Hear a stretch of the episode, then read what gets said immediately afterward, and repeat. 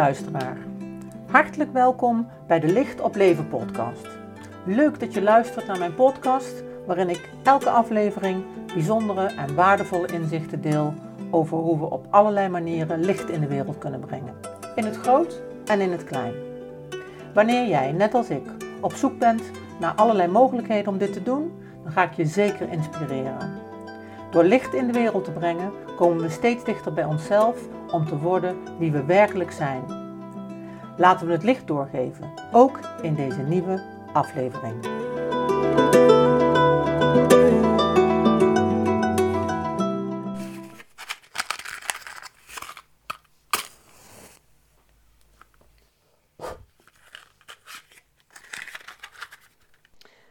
Hallo allemaal, lieve luisteraar. Ontzettend fijn en hartelijk welkom in deze 31ste aflevering van de podcast Licht op Leven alweer.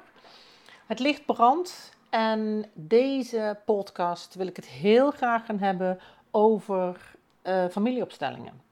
Want uh, voor het eerst ben ik er even tussenuit geweest met de podcast. Ik had toen ik begon vorig jaar juni mezelf de commitment gemaakt dat ik een jaar lang iedere twee weken een podcast zou uh, lanceren. Dat heb ik ook gedaan. Dus daarvoor heb ik mezelf in ieder geval al een aantal schouderklopjes gegeven. Uh, maar ik dacht op een gegeven moment ook, doordat ik een hele drukke tijd had met uh, de opleiding familieopstellingen, en naast allerlei andere dingen. En ook nog een weekend Speak to Inspire wat ik gedaan heb. En daarna ben ik twee weken op, een, op vakantie geweest. en toen was het allemaal zo krap en toen dacht ik, ja, weet je, als eigen baas is het ook de kunst om de moed te pakken om nee te zeggen en om je eigen koers te varen. Dus ik dacht, weet je, ik heb dat gedaan, dat commitment, ieder, een jaar lang, uh, iedere twee weken. Uh, ik mag van de podcast best wel van mezelf op vakantie, dat heb ik gedaan, maar ik ben er weer en ik ga weer met regelmaat, sorry, podcast lanceren. Maar zoals gezegd, heb ik begin juli heb ik bij Sluis Instituut twee keer vier dagen een opleiding gedaan uh, voor familieopstellingen. En ik heb het daar natuurlijk al eerder over gehad, ook in de voorlaatste uh, podcastaflevering. Uh, en het is, de familieopstelling is me ook niet nieuw. maar wat me wel nieuw is, is dat ik hem acht dagen intensief in een bepaald pakket aangereikt heb gekregen. Met een bepaalde ehm, logica, een bepaalde opbouw erin, uh, waarin je duidelijk te maken hebt met uh, de bewustwording in het veld. En ik kan je in ieder geval vertellen dat uh, het mij heel erg goed heeft gedaan. Het heeft mij heel veel opgeleverd, maar het heeft ook echt, we waren met een groep van ruim 40 mensen, het heeft ons allemaal echt heel erg veel opgeleverd. En ik ga je in deze aflevering een aantal dingen daarvan uh, delen en onthullen, uh, wat dan maakt dat dat zo ontzettend waardevol is.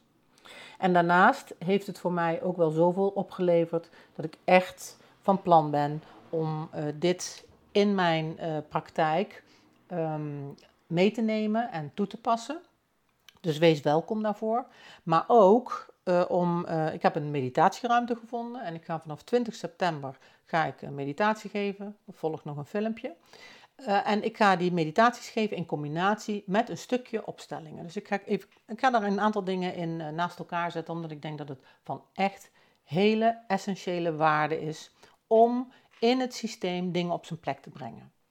Nou, dan kom ik gelijk maar eventjes bij de eerste theorie. De drie eikpunten van de familieopstellingen drie hele belangrijke. Er is alles hoort erbij. Er is alles heeft zijn eigen plek. En dat is de balans tussen geven en nemen. En dat zijn eigenlijk drie hele belangrijke pijlers, maar die vragen ook wat. En wat allereerst belangrijk is in het opstellen en in het veld, het hè, uh, morfologisch veld waar we mee te maken hebben, is dat je je afstemt op het gevoel. Niet op je hoofd, maar op je gevoel, op je hart. En um, daarmee valt of staat eigenlijk je reactie. Of het je inleven, of uh, de manier waarop dingen op zijn plek komen. En waar we bijvoorbeeld in de opleiding mee begonnen zijn, is met uh, uh, jij en je eigen ouders. Daarna met die ouders, met je zussen en je broers. En daarna met de voorouders. En daarna met verschillende thema's. De, de liefde, je eerste liefde, uh, de, je lot, het leven. Echt hele interessante dingen gezien. Uh, waarmee uh, dingen op zijn plek gelegd kunnen worden. En je moet je dat dan voorstellen voor mensen die er echt heel weinig van weten. Er is bijvoorbeeld, je, je kunt je ouders en jou opstellen en op dat kun je op verschillende manieren doen. Maar als er voldoende mensen zijn, dan kies je dan iemand uit die jouw vader is en die jouw moeder is bijvoorbeeld en die jij bent. En dan ga je kijken, dan ga je vragen aan die representant van jou van hoe is het voor jou om hier te staan. En dan is die representant, die voelt dan of ervaart sensaties in zijn lijf, in zijn lichaam uh, of in zijn beleving van hoe dat is. Nou, ik sta hier heel erg ongemakkelijk of ik sta hier heel erg plezierig of nou, ik word iedere keer maar naar één kant getrokken. Uh, dat kan dus van alles zijn. Uh, wat eigenlijk informatie is uit het veld wat er wordt blootgelegd. En het is een beetje een magisch gebeuren. Uh, daarna kun je ook aan die vader en aan die moeder gaan vragen van hoe is het voor jou om hier te staan? En ook daar komt dan informatie van. En zo kun je, uh, uh, dan ontstaat er een bepaalde dynamiek, hè? Die, die, die, komt dan, die wordt blootgelegd door middel van die informatie die vrijkomt door die representanten.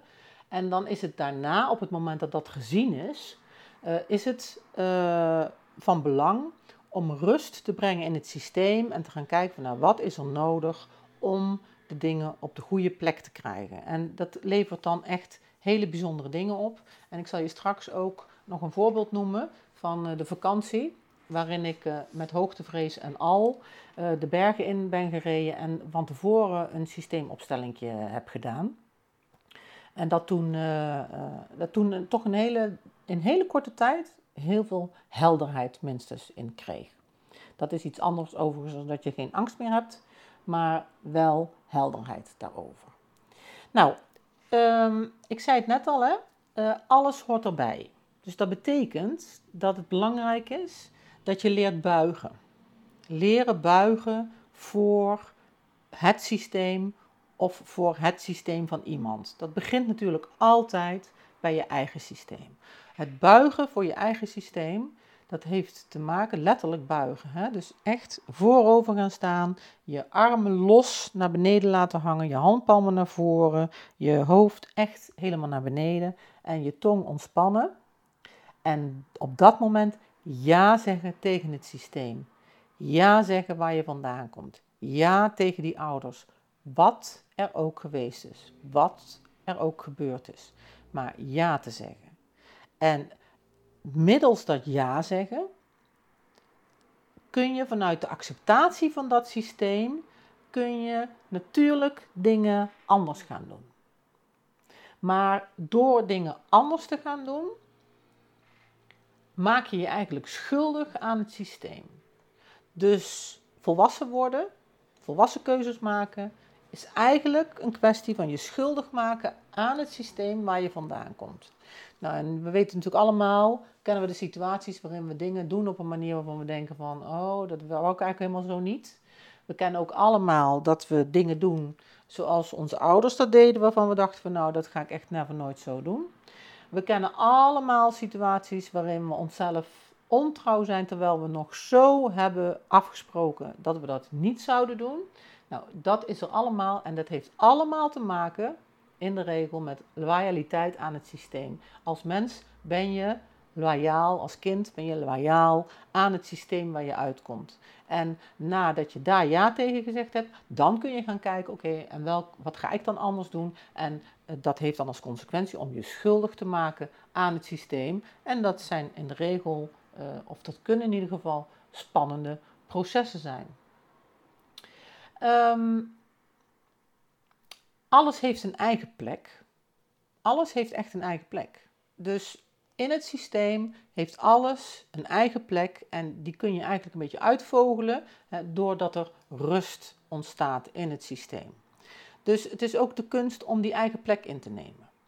En uh, voor mij was het een hele belangrijke bijvoorbeeld om mijn eigen plek eh, als kind in te nemen. Want ik stond gewoon in die rij met mijn broers en zussen, dat basisgezin wat ik heb opgesteld. Daar stond ik echt niet op mijn eigen plek.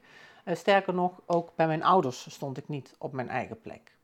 En uh, wat een aardig voorbeeld was op een gegeven moment, Guus, dat is de docent, die zei iedere keer maar van, je weet je, je bent maar het kind. Je bent maar het kind. Je, je bent maar het kind van je ouders. Je ouders, dat zijn de grote. Jij bent de kleine. Jij bent maar het kind. En ik had iedere keer zoiets van, ja, je bent maar het kind. Dus ik had op een gegeven moment mijn, eh, mijn arm omhoog. En toen zei ik, ja, ik zeg, ja, je zegt nou wel de hele tijd, je bent maar het kind. Maar voor mij voelt dat gewoon helemaal niet zo, dat maar het kind. Ik vind dat echt wel een heel ding. En toen keek ze me even aan en dat was een hele goede eye-opener. Toen zegt ze, misschien komt dat wel omdat je helemaal niet hebt leren ontvangen in je kind zijn. Dus ik keek er aan met grote ogen en denk, nee, dat denk ik inderdaad niet. Dus uh, doordat ik niet in de ontvangende, maar in de gevende positie heb gezeten, in de regel, uh, ben je ook niet maar het kind. Maar het is voor een ieder belangrijk dat je in de ontvangende positie staat. Even goed overigens is het niet fout hè, als je niet op de goede plek staat. Het heeft altijd een reden. Dus ik heb ook wel wat, wat addertjes daarin. Uh, want ik heb natuurlijk ook in mijn leven niet op de goede plekken gestaan. Dat ik denk van ja, Kar, dat uh, is toch een beetje stom. Of uh, dat had je toch beter anders kunnen doen. Maar daar gaat het niet over. Want op het moment dat er in het systeem iets vrijkomt. Of dat een ouder niet beschikbaar is. En dat kan fysiek zijn, maar dat kan ook mentaal zijn. Dan gaat een kind in het systeem gaat dat gat opvullen. Dan word je getrokken naar dat gat in het systeem. En dat wint het altijd, omdat het daar gaat over loyaliteit. Dus desalniettemin de kunst om weer terug te komen op je eigen plek in het systeem. En in mijn geval betekende dat dus een ontvangend kind te worden. Ik mag kind zijn. Jij bent de grote, ik ben de kleine. Ik sta niet boven mijn ouders. De rol uh, die ik echt bij mezelf heel erg uh, zie, heb gezien, maar die ik ook echt bij heel veel mensen inmiddels ook heel erg goed zie, is uh, hè, om boven die ouders te gaan staan. En dat is ook soms wel, ik vind dat ook wel te begrijpen heel vaak. Want weet je, de, de, generatie na die van je ouders, die, die hebben spiritueel hebben die weer ook nieuwe dingen te brengen. De kinderen, vind ik, die nu geboren worden, hebben weer een bepaalde wijsheid bij zich. Die veel beter is afgestemd op de nieuwe tijd dan onze wijsheid. Dus uh, als het gaat over dat soort dingen, uh, dan uh, zijn de kinderen natuurlijk heel vaak de leermeesters ook van de ouders zo zie ik dat in ieder geval heel erg. Dat zie ik ook terug bij onze kinderen, maar ook bij onze kleinkinderen en bij uh, alle uh, jonge vriendjes en vriendinnetjes die ik ontmoet daarin. Die hebben ook echt allemaal iets te vertellen en iets te leren. Maar dat is dus iets anders als je overgeven aan het systeem waarin je als kind de ontvangende bent en als ouder de gevende bent. Dus daar begint het. En wat je dus kunt doen, heel praktisch in familieopstellingen op een hele eenvoudige manier, uh, dat is om je te laten ervaren, a, hoe het is in jouw systeem om kind te zijn, om dat te ervaren, en hoe het is om kind te zijn van ouders waarin je ervaart dat dat echt helemaal oké is. Dat het helemaal oké is uh, te zijn zoals je bent, daar ook werkelijk alle backup in te ontvangen, ook als dat niet geweest is. Die ervaring die je zelf daarin kunt, uh, laat, hè, kunt, kunt meegeven, uh, die is essentieel in je beleving, in je print uh, van je mens zijn en in je ontwikkeling.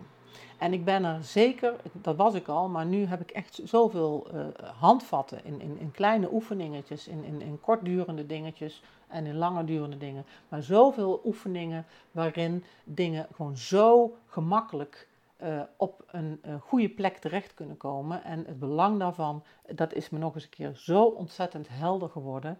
Hoe belangrijk dat is in het hele, in het hele van jezelf, in het hele van het systeem.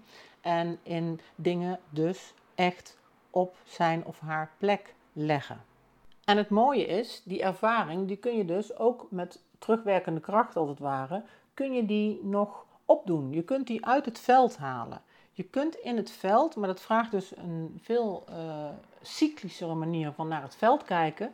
Uh, dan kun je dat uh, opnieuw ervaren. En dat heeft eigenlijk dan, staat dat los van uh, hoe, wat je allemaal hebt meegemaakt enzovoort. Dat, en dat is er natuurlijk ook, maar als je dat lineair pakt, zoals wij geleerd hebben te denken, je maakt iets mee, oorzaak, en dan heb je de gevolg, en dan heb je een trauma, en, dan, en dat is natuurlijk ook allemaal waar.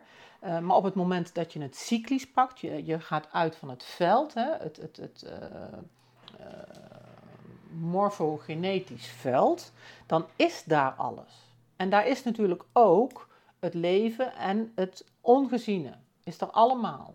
Dus op het moment dat je gaat opstellen, uh, je gezin bijvoorbeeld, gaat het ook altijd ook over doodgeboren kinderen. Die tellen gewoon volwaardig mee in het systeem.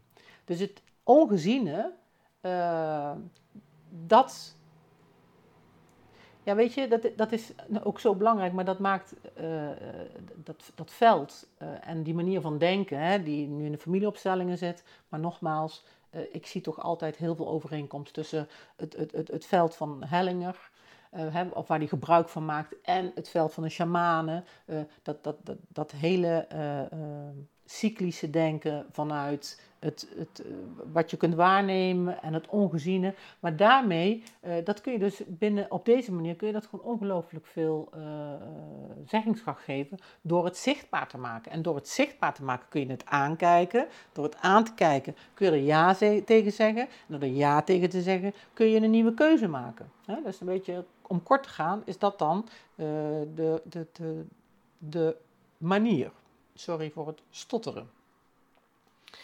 Um, nou, trouwens, je weet dat ik, uh, even tussendoor, je weet dat ik uh, probeer steeds om zo min mogelijk eus te zeggen. En dan was het echt heel interessant, want dan heb ik in uh, half juli heb ik een weekend Speak to Inspire gedaan.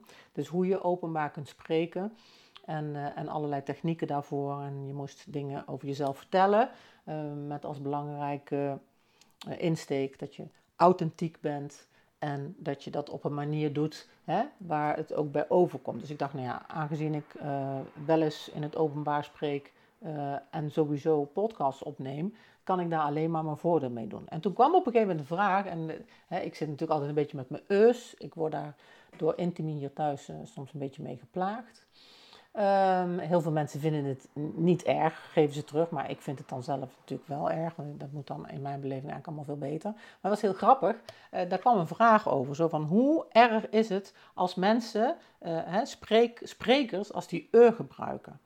En toen zei hij, tot mijn grote verbazing, nou zei hij, dat, is, dat hoeft helemaal niet zo erg te zijn. Sterker nog, weet je welke ongelooflijk uh, sterke spreker ongelooflijk veel e's gebruikt. En dat blijkt Barack Obama te zijn. En dat, die staat bekend als een hele goede spreker. Hè? Uh, nou ja, dat weten we. En die, uh, die schijnt dus heel veel eus te gebruiken. En dat uh, is helemaal niet zo erg. Dus ehm, die, die, die man die die cursus gaf, die zei ook van nou, zo erg is het niet. Nou, dat geeft me natuurlijk een enorm gerustgesteld gevoel. Dus ehm, ik kan gelukkig van alles blijven uh, doen. Nee hoor. Ik uh, ga voor uh, prettig luisteren en ik hoop dat dat weekend me weer een stapje dichter heeft gebracht naar het boeiend kunnen vertellen, zodat je erdoor geraakt wordt. En heb je tips? Dan laat het me gerust weten. Goed, even terug naar die familieopstellingen. Dus dat je systeem trouw zijn, hè, dat, is, dat is een hele belangrijke. Ik had vanochtend had ik een consult en toen ging het erover dat sommige mensen, het was eigenlijk naar aanleiding van een gesprek, maar sommige mensen die reageren kunnen echt zo ontzettend uh, ja, lomp reageren of uh, op een manier dat je denkt van nou, hoe dan? Uh, en toen zei ik van, ik zei tegenwoordig sinds die opleiding zeg ik, nou ja, die persoon is gewoon trouw aan het systeem. In principe ben je gewoon trouw aan het systeem. En daar zit niet het oordeel op dat het anders zou moeten. Dat, dat gaat via de, de, de weg van het, het, het, het overnemen. Dus heb je uh, uh, ouders die uh, veel bekvechten, dan neem je dat over uit het systeem. Zolang je trouw bent aan het systeem, doe, je dat ook zo. Of afwezig zijn, mentaal afwezig zijn, dan doe je dat ook zo, trouw zijn aan het systeem. En in, het, in een van de uiterste gevallen natuurlijk, waar ik me lang hoofdbrekers hè, mijn hoofd over heb gebroken, is van hoe zit het nou toch met het feit dat kinderen die mishandeld zijn, dat dat potentiële nieuwe mishandelaren worden. Nou, hier hebben we hem dus. Je bent dan in dat geval trouw aan het systeem. Dat heeft dus niks te maken met of je dat goedkeurt of niet. Het gaat eraan hoe het werkt. Hè? Je bent dan trouw aan het systeem. En dat, die onderkenning, is in eerste instantie belangrijk voor dat je echt op een bewust level de keuze kunt maken van ik wil dit anders.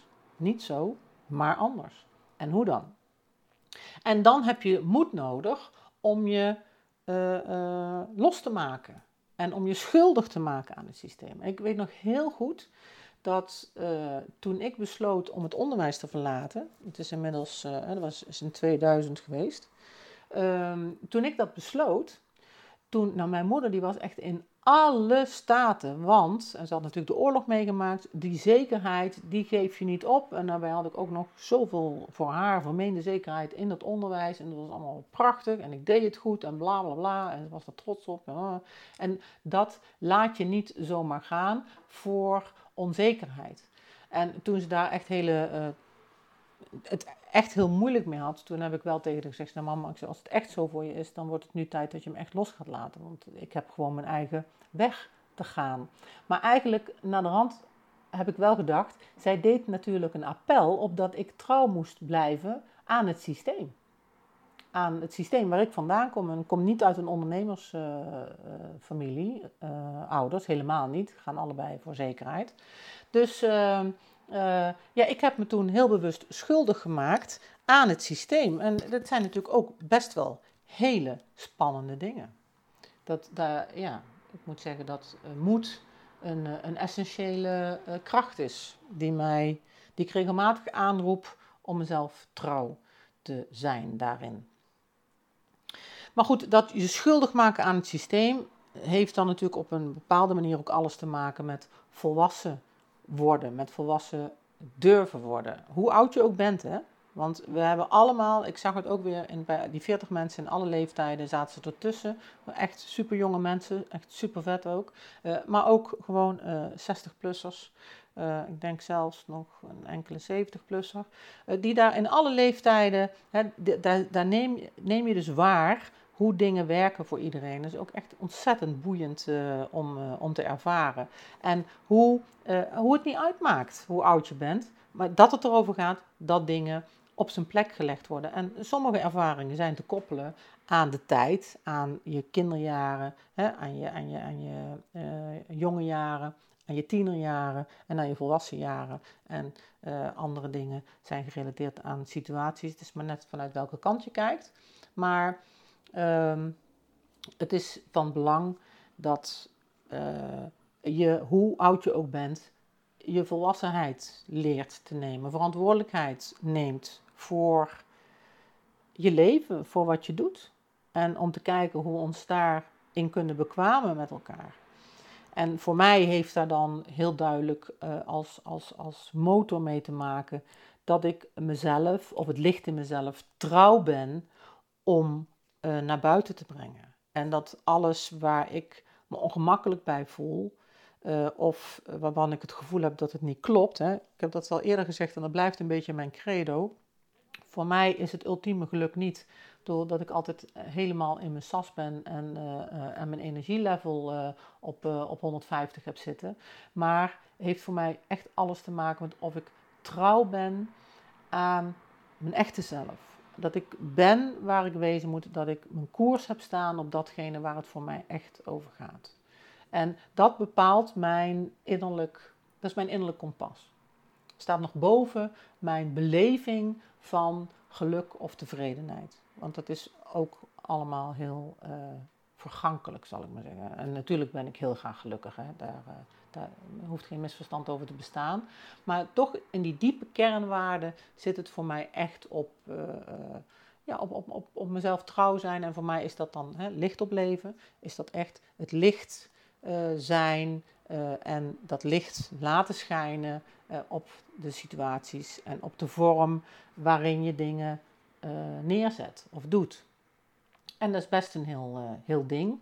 En uiteraard zijn de dingen die je daarin op je weg ontmoet ook heel erg bepalend. Ik merk dat het overlijden van ons moeder begin april nog steeds wel echt wel een dusdanige impact heeft op mezelf dat ik een ander, hoe moet ik dat uitleggen, een ander ankerpunt.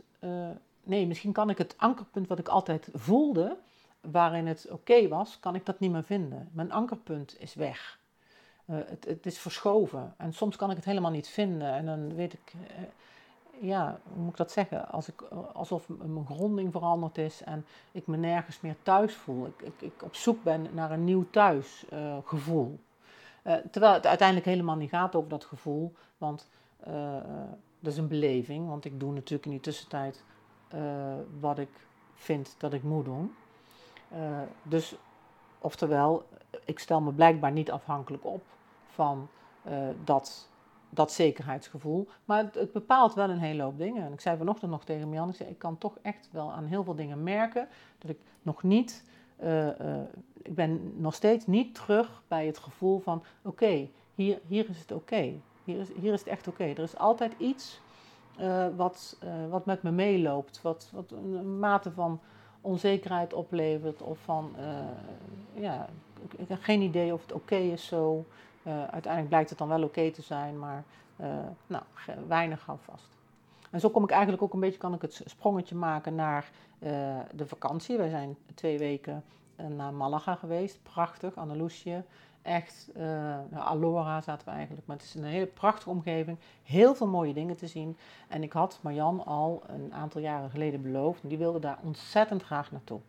Nou, ik eh, wilde daar ook graag naartoe, maar ik heb echt iets met hoogtes, met auto's. En eerlijk gezegd, de grootste angst die ik heb, is uh, dat je in een auto zit, dat je een steile helling op moet en dat die auto dan naar beneden zakt. Nou, je kunt maar ergens last van hebben. Dus dat is bij mij altijd wat er op de achtergrond meespeelt, maar dat beheerst wel mijn hele manier van kijken. Daarbij heb ik moeite met het, ja, hoe moet ik dat zeggen, het relativeren van hoogte. Dus op het moment dat je ineens een, een, een, een, een kloof hebt of zo, dan kan ik dat niet goed inschatten. Maar ik heb dat ook in het klein. Ik heb dat bijvoorbeeld ook met een roltrap. Dan, uh, die, die, die, daar moet je natuurlijk op mee en dan moet ik ook moet ik, uh, inschatten. Hoe ik mijn evenwicht daarin verhoud. En dat vind ik heel ingewikkeld. Dat, dat vind ik moeilijk. Wat helpt is één hand op de leuning en dan naar beneden. Uh, maar uh, als je met twee koffertjes staat, zoals afgelopen vakantie bijvoorbeeld, en Marjan had de, de grote koffer en ik had twee kleintjes, dan heb ik allebei mijn handen vol. En dan is het voor mij echt een sport om op die eerste tree van die roltrap uit te komen en die koffertjes dan ook nog op die tree daarboven te hebben. Om dan rustig naar beneden te kunnen. Dus dat heeft ook te maken met ja, scherpte diepte, met in ieder geval het kunnen inschatten van hoogte. Ik, ik weet niet wat daarmee is, maar daar heeft het alles mee te maken. En, maar dat maakt dus dat voor mij dit soort vakanties met het huren van een auto en zo, dat dat echt grote uitdagingen zijn. En ehm, nou, het komt er in de regel op neer dat ik rij, want ik ben dan wel, wel weer, ik, ik kan vrij goed rijden en ik ben ook vrij goed met auto's en met het inschatten van hè, hoe, groot die auto is en met parkeren gaat allemaal prima. En, nou, maar dat omhoog, dat stel omhoog, uh, dat is een dingetje en dat begint natuurlijk al op het moment dat je die auto ophaalt. Uh, en je moet van min 3, dat was dus zo, moet je de parkeergarage in drie etappes uit. En dan zo onder een, een, een, hele schuine hoek, weet je, die in je beleving ook nog eens een keer vijf keer zo schuin is als dat die daadwerkelijk is. Nou, je hele beleving is continu op zijn kop. Um, aan de andere kant, het feit dat je dan toch die huurauto hebt en je wilt dan toch een aantal dingen doen. Maar je weet nooit waar je terecht komt. De grote wegen in Spanje zijn heel goed uh, begaanbaar overigens. Uh, dat is ook echt zo. Maar op het moment dat je afwijkt en de dorpjes ingaat en zo, uh, of, of, of, of, een keer de berg ingestuurd wordt, dan heb je natuurlijk echt wel te maken met hoogteverschil, met hele smalle paadjes. Waar ik een ontzettende hekel aan heb, is dat ze niet dan eventjes zo'n muurtje erlangs zetten, weet je Dan heb je een heel smal bergpad, waarvan je al denkt van nou, ik weet niet of je wel twee auto's uh, langs kunnen. En dan hebben ze ook nog eens een keer geen extra stukje asfalt waar je over de streep kunt, want dan is er daarna niks meer. En dan staat er ook nog eens een keer niet zo'n uh, zo'n randje of zo'n zo, zo, zo, zo'n helling dingetje. Weet je wel, ken je dat? Nou, ik, dat, dat, dat begrijp ik dan weer niet, want dat zou mij in ieder geval enorm helpen als dat er dan wel stond. Dus dat is allemaal onderdeel van de spanning die er is. Aan de andere kant houdt het je natuurlijk ontzettend in het hier en nu. Dus uh, ik praat dan ook met mezelf en ik spreek mezelf moed in. Dat doet Marjan naast mij natuurlijk ook. Die is fantastisch in het lezen van de weg. Uh, dus dat is heel fijn. Hè? Dan heb, uh, heb, je op die manier heb je de goede taakverdeling.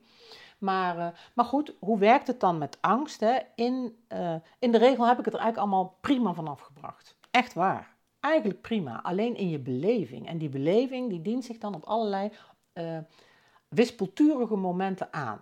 Weet je, want dan zou ik eigenlijk zou ik denken van, dan zit ik al in mijn hoofd, maar dan zou ik denken van, nou, ja, ik heb uh, keurig door die bergen gereden, uh, alles goed gegaan, weet je, auto heeft goed gedaan, ik heb het goed gedaan, uh, ben weer veilig thuis, helemaal goed.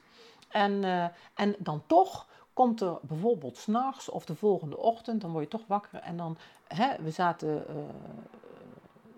vlakbij de doorgaande weg en die doorgaande weg, die was, had een heel schuin stuk, het was een T-splitsing, dus daar kwam je dan aan vanuit ons appartementje. kwam je daar aan en stond je vrij schuin. En dan moest je in de regel links naar Malaga, moesten wij in de regel. Uh, maar dat is dus vrij schuin en dit is een doorgaande weg die altijd voorrang heeft van allebei de kanten. Dus het kan goed zijn dat je op dat schuine stuk uh, moet remmen, handrem. Nou, als je pech hebt, staat er natuurlijk eentje achter je.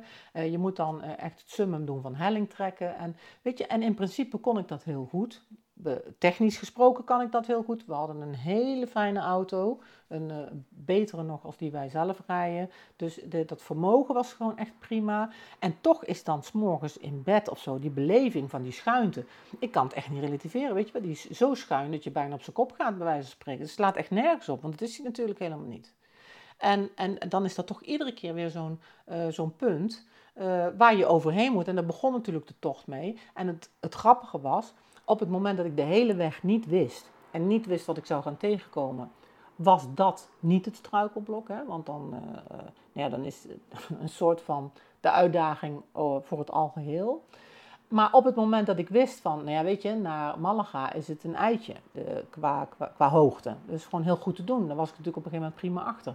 Nee, en dan is dat een eitje. En dan ga ik dus opzien tegen die eerste helling, weet je wel. En die helling die wordt dan in mijn beleving steeds steiler. Maar soms is die ook gewoon wat die is. Maar je kunt er geen touw op trekken. Zijn, ik, het, angst is wat dat betreft echt een heel erg gek ding. Nou, ik had dus de nodige oefeningen gedaan. Ik heb ook zitten EFT'en. Ik, heb, ik had mezelf ook beloofd van ik ga gewoon, ik kijk wat ik tegenkom, wat ik ontmoet. En ik pas daaraan aan wat er nodig is. Dat heb ik ook gedaan. Uh, en we waren de ene laatste dag langzaam hè, kwam de knoop steeds meer uit mijn buik, want de uitdagingen waren natuurlijk wat, wat, wat minder groot. We, wisten iets meer van de wegen, je weet een beetje waar je op moet letten, de auto wordt, wordt vertrouwder. En toen wilden we naar Antequera en uh, dat was uh, een uurtje rijden voor 37 kilometer. Nou, dan weet je het natuurlijk eigenlijk al, want dat, ja, als je daar uur over doet, dan heb je dus heel veel slingerwegen. Maar goed, de, ehm, nou ja, ik had daar ook niet goed naar gekeken. Uh, maar in ieder geval, wij wilden wel graag naar Antiquaire, want heel erg de moeite waard, prachtig dorp, authentiek. Nou, is het allemaal ook. Uh, en wat denk je, zondagochtend, die dag dat wij er naartoe gingen, nou, ik was helemaal ziek van, van, van, van, van angst, van niet kunnen relativeren. ik, ik, ik, ik, ik, kreeg het, ik, ik kreeg ik kreeg mezelf gewoon niet in de dag gezet. Ik zei tegen Jan, ik weet niet wat ik heb. Ik zeg maar, uh, ik ga wel even terug naar bed. Maar dan ga je in bed en dan worden al die, die, die, die, die heuvels die worden steiler. En, uh, en dan wordt ook die eerste oprit die ik dan moet pakken, dan wordt uh, al een ding, weet je wel. Zo. Dus um, nou, uiteindelijk dacht ik, ja, wat ga ik nou doen? Uh, en toen heb ik een aantal blaadjes gepakt om het systemisch te bekijken. Dus ik heb uh, de blokkade gepakt, ik heb uh, de vraag gepakt, ik heb de hulpbronnen gepakt, ik heb mezelf natuurlijk gepakt en nog iets. En ik heb die blaadjes in eerste instantie op de grond zo neergelegd zoals ik dacht dat het was. En toen lag die blokkade, die lag voor mijn neus. Hè? Mij, ik stond, mijn blaadje lag zeg maar op de grond. En precies daar tegenover stond die blokkade en daarachter die hulpbronnen. Uh, en op, opzij die vraag. En uh, ik heb uh, dat eens aangekeken en gekeken en gevoeld. Ik ben op al die blaadjes gaan staan en voelen hoe dat is. En toen ben ik ze anders neer gaan leggen, waardoor er meer rust kwam in mij als ik op die blaadjes stond. En dan ben ik gaan invoelen van, oké, en wat doet het dan als ik er nu op sta? En toen heb ik die blokkade heb ik achter me gelegd. Ik heb de hulpbronnen en mijn focus, die heb ik voor me gelegd. Dus is de focus en daarachter de hulpbronnen. En de vraag, die heb ik ernaast gelegd. En die blokkade dus achter me. En dat, daar werd ik wat rustiger van. Ik zei tegen Jan, nou, laten we maar gaan, we moeten het uh, toch aan. Uh, dus uh, wij zijn, we wisten dus niet precies wat voor weg we tegenkwamen. Nou, het bleek dus echt bergweggetjes, echt zo smal dat je denkt, jemig. Twee en dan om die bocht heen, want je ziet dus helemaal niet wat er te, tegemoet komt. Uh, nou, dan een, een, een witte rand doorgetrokken als einde van de weg rechts, maar daarnaast dan niks, weet je wel. Dat je echt denkt, van, nou, had even dat muurtje gedaan. Um, en, en dus wat ik die hele weg gedaan heb, is geoefend om in het nu te blijven. Iedere keer, Car, er is geen probleem en jouw focus ligt tussen je vooruit en vijf, vijf, meter ervoor. Dat is je focus. Daar zijn ook je hulpbronnen. Dus daar waar je hier zit, daar zijn die hulpbronnen niet. Achter je zijn ze ook niet. Ze zijn alleen maar voor. Focus voor, hulpbronnen voor. En dat, uh, en dat, en dat, dat was eigenlijk een hele goede manier uh, om om te gaan met het hier en nu. En om daar toch een bepaalde uh, ja, standvastigheid in te voelen. Uh, en het enige wat daar dan nog in tegenkwam, was, was mijn rek. Was mijn, mijn, mijn, mijn, level van volhouden, zeg maar. Dat op het moment dat iets heel lang schuin omhoog gaat en het maar blijft maar gaan en je niet even op adem kunt komen voor je gevoel dat het, die berg dan toch even naar beneden gaat, dat is voor mij dan veel relaxter. Uh, maar dat ik dan het gevoel heb van, nou, dit is niet vol te houden. Ja, nou ben ik weer uit het nu natuurlijk. Uh, en zit je weer in de controle, wat dan eigenlijk in mijn beleving het tegenover was. Daar ben ik wel achter gekomen. Mijn controle, gevoel van het controle willen hebben, stond tegenover het vertrouwen in het nu. Wat het ook doet. Dus, en dan al die plaatjes die daar maar in voorbij komen. Nou, ik heb daar heel, heel veel gezien, uh, hoe het werkt. Uh, ik ben erg uh, dankbaar voor het feit dat we dat samen heel goed hebben gedaan. dat we hebben gezien wat we graag wilden zien, want dat we dat op die manier ook hebben beleefd. want we hebben echt prachtige dingen gezien, dus de, de, de, de beloning was steeds echt heel erg groot. En het allermooiste wat ik heb gezien, dat wil ik je wel zeggen, dat is de Mesquita, dat is de kathedraal in Cordoba. En die is begonnen uh, op, Romeinse, uh, op een Romeinse ruïne, door de Moren opgebouwd en een klein stukje verchristelijkt. Maar een klein stukje maar. En de, de, hele complex is heel groot, ook van binnen. Heel veel bogen, heel veel kaarsen, kandelaren en zo. Maar de sereniteit en de puurheid die ik daar gevoeld heb, die wil ik echt nooit meer vergeten. Zo ontzettend prachtig. Het was, we waren toen met het openbaar vervoer, het was een hele weg er naartoe. We hebben ook, uh, uh, die, die, treinen liepen anders. Uh, dat wil zeggen, die waren zo ontzettend duur dat we hebben besloten om een andere trein te pakken. Waardoor de eerste kaartjes die we via internet hadden gekocht, verlopen waren. Maar dan baal je natuurlijk even, dan moet je twee keer die kaartjes bestellen. Maar ik was binnen en ik heb het daar met geen woord meer over gehad, niet meer aan gedacht. Want het was zo prachtig. En nou, wauw. Dus mocht je ooit de gelegenheid hebben om daar naartoe te gaan, dan is dat voor mij in ieder geval de ultieme plek. Goed, dus ook op het moment dat het gaat over mijn issue van hoogtevrees, dan kan je dat dus systemisch gewoon neerleggen en dan kun je daar uh, uh, iets verschuiven in het systeem, waardoor je dat zelf dus op een andere manier beleeft. En uh, nou, daar heb ik in de opleiding ook heel erg veel van gezien. Uh, wat, ik je, ik je ook nog wel iets over wil zeggen, is over het, wat ik zo ontzettend waardevol vond, was de generaties. Zeven generaties opstellen. Uh, in ons geval hebben we dat gedaan vanuit de vrouwenlijn. En wat je daar dan ziet gebeuren in al die generaties. Ehm, en er waren mensen, er waren ook nodige donkere mensen, zeg maar, uit de Antillen, maar ook nog, nog anderszins. Echt waren mensen die hebben het zo zwaar gehad in het aankijken. En want je moet dan iedere generatie, word je uitgenodigd om aan te kijken en om daar iets over te zeggen. Dat jij je bestaansrecht hebt en dat je dankbaar bent voor het feit dat je er bent, dankzij die generaties. En dat je daarmee ook de erkenning geeft aan, die, uh, uh, aan, aan, aan de plek van die ouders, uh, die grootouders, die overgrootouders enzovoort. En dat noem je dan ook bij namen.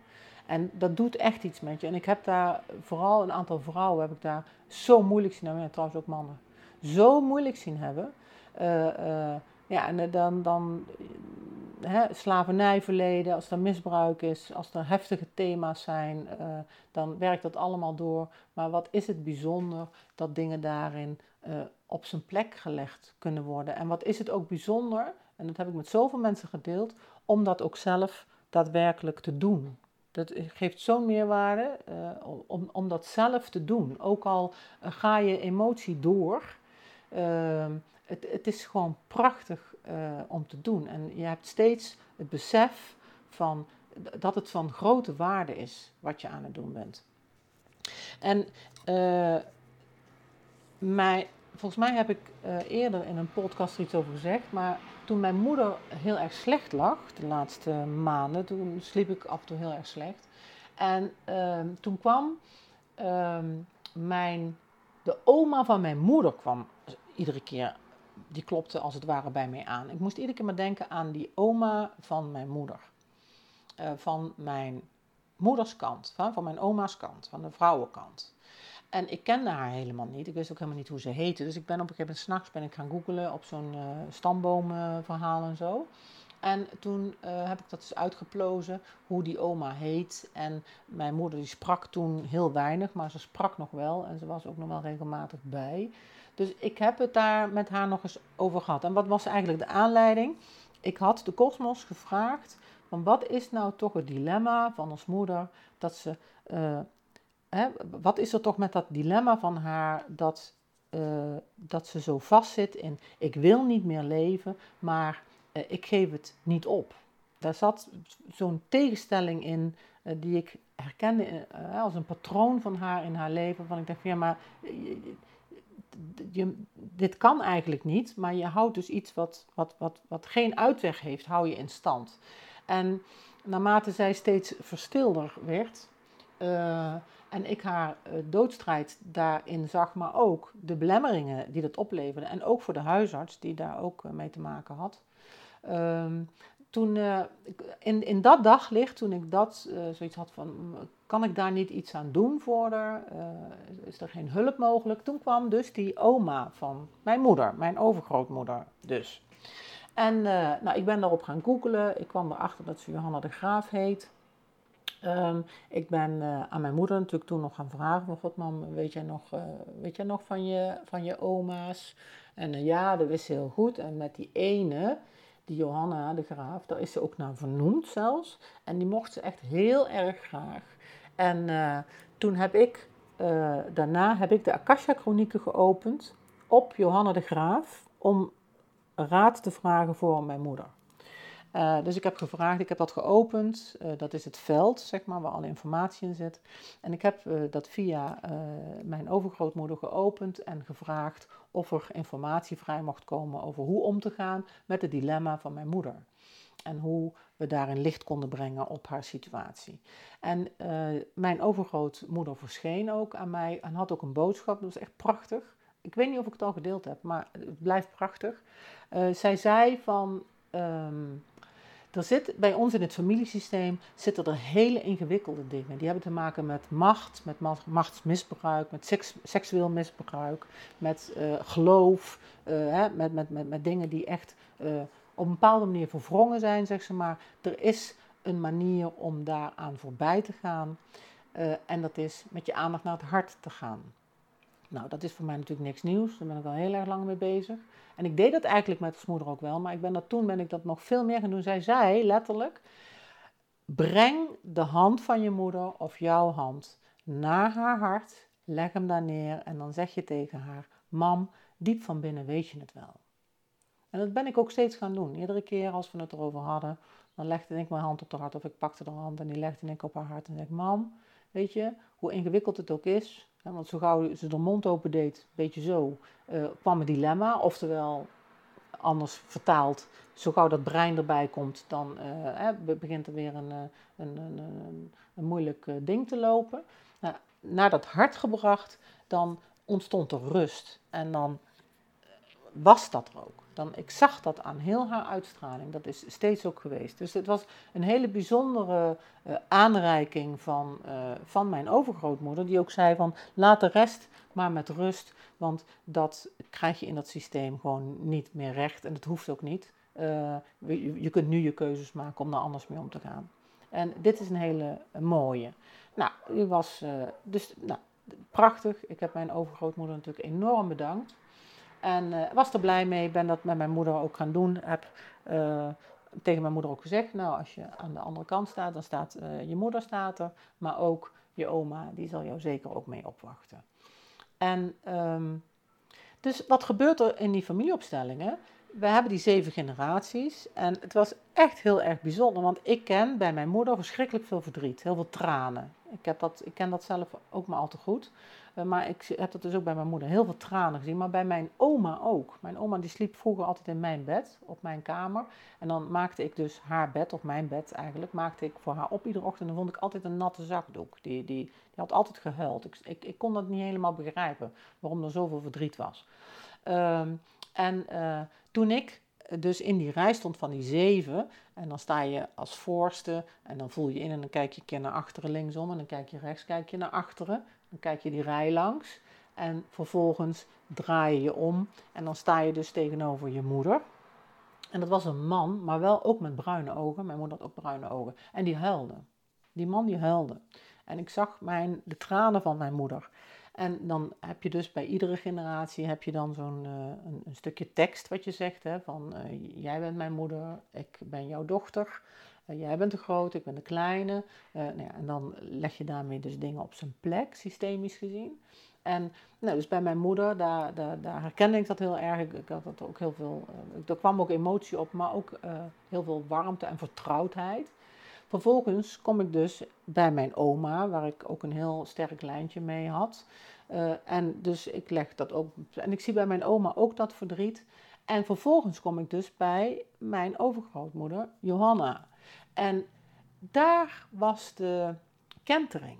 En ik, eh, ik heb daar natuurlijk ook haar aangekeken. En ik vond daar mijn rust in, in, in het systeem. Ik vond daar mijn. Uh, uh, ja, mijn maatje. En ik dacht altijd, mijn oma was een soort van mijn maatje voor me. Maar, maar die oma Johanna, dat was gewoon echt een powerhouse. Dat was een, echt een heel bijzondere vrouw. Met, ja, waar ik me heel erg vertrouwd bij voelde. Dus ik vond het zo bijzonder om die overgrootmoeder op die manier te ontmoeten. En vervolgens al die generaties langs te gaan. En het wordt dan afgesloten met de alwetende moeder. Heel bijzonder. Echt heel bijzonder om ook die oermoeder, hè, die oermoeder, om die ook aan te kijken en erkenning te geven aan, aan de oermoeder. Jij en de oermoeder. Prachtig, prachtig, echt waar. Uh, nou, en eh, wat natuurlijk ook heel bijzonder is in die oefening, is dat er dan, je schuift iedere keer op. Dus hè, op het moment dat ik mijn generaties heb uh, gedaan, dan schuif ik door naar achteren, word ik die oermoeder en schuift iedereen een plekje naar voren. Nou, een hele bijzondere oefening om te doen en ook een hele bijzondere oefening om waar te nemen bij anderen. Dus nou, dat is echt heel, heel bijzonder om daarin ook die verbinding te weten.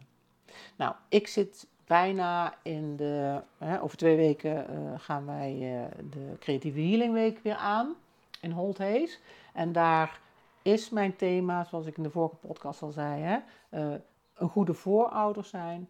En ik ga zeker daar ook iets doen met die generaties natuurlijk, om gewoon zelf te kunnen ervaren hoe dat is om onderdeel te zijn van het geheel en hoe je eigenlijk niet alleen onderdeel bent, maar ook bent daarin. En hoe zich dat dan verhoudt en wat dat doet in ieders veld, in ons systeem, om dingen weer in een groter bewustzijn een eigen plek te geven. En op die manier ons licht weer een stukje puurder te kunnen laten schijnen over degene die ons systemisch gezien zo nabij zijn.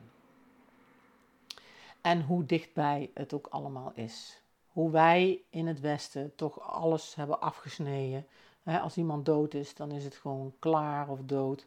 Maar systemisch gezien is het zo anders en heeft dat echt zo'n ongelooflijke, bijzondere waarde en een, een, een, een bijzonder uh, gevoel, verrijkend gevoel.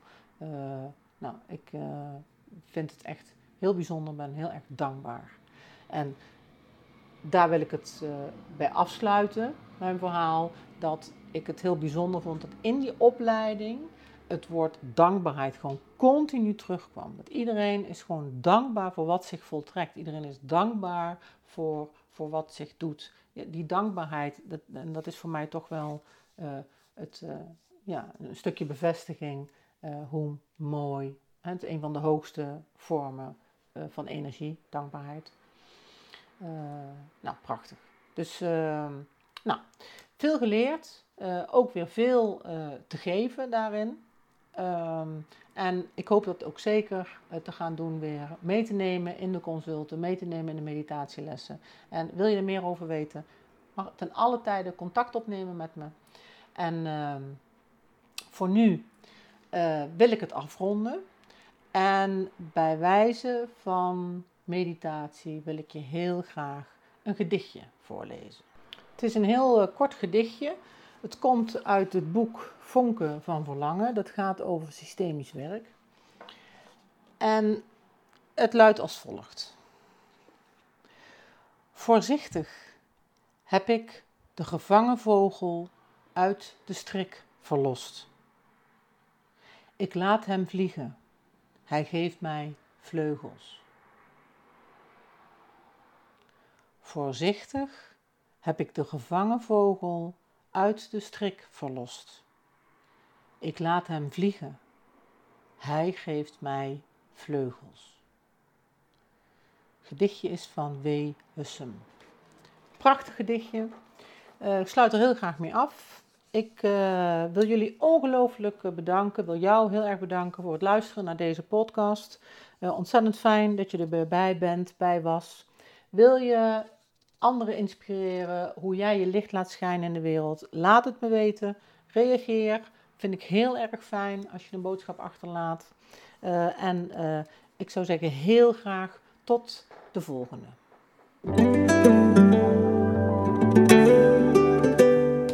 Superleuk dat je weer luisterde naar deze podcast. Dankjewel. Nog even kort een paar dingen. Ben je geraakt of geïnteresseerd in wat ik doe? Of wil je meer weten over technieken of meditaties? Neem dan een kijkje op mijn site www.oyaart.nl. O Griekse I A streepje ART. Ten tweede, wil je al mijn podcastafleveringen overzichtelijk onder elkaar?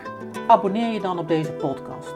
Klik in je podcast-app op de button subscribe of abonneren en elke keer wanneer er een nieuwe aflevering komt, dan ontvang je automatisch een berichtje. Ten derde, ondersteun je mijn werk? Geef dan een review via de podcast-app, bijvoorbeeld iTunes of Spotify. Dan kunnen mijn afleveringen nog meer betekenen. Naar iemand doorsturen via het kopiëren van een linkje, via Spotify bijvoorbeeld, mag natuurlijk ook altijd. Ik vind het altijd heel erg leuk om berichtjes te ontvangen, om te horen of je iets hebt gehad aan een inzicht. En natuurlijk ook om te horen hoe jij creatief bent met licht. Wie weet hoor je het terug in de volgende aflevering. Laat het me weten via de mail op de site www.oyeart.nl. Je kunt me ook heel gemakkelijk googelen onder Carla van Olst en dan Carla met een C. Voor nu, heel erg bedankt voor het luisteren. Alle goeds, geef het licht door en tot de volgende.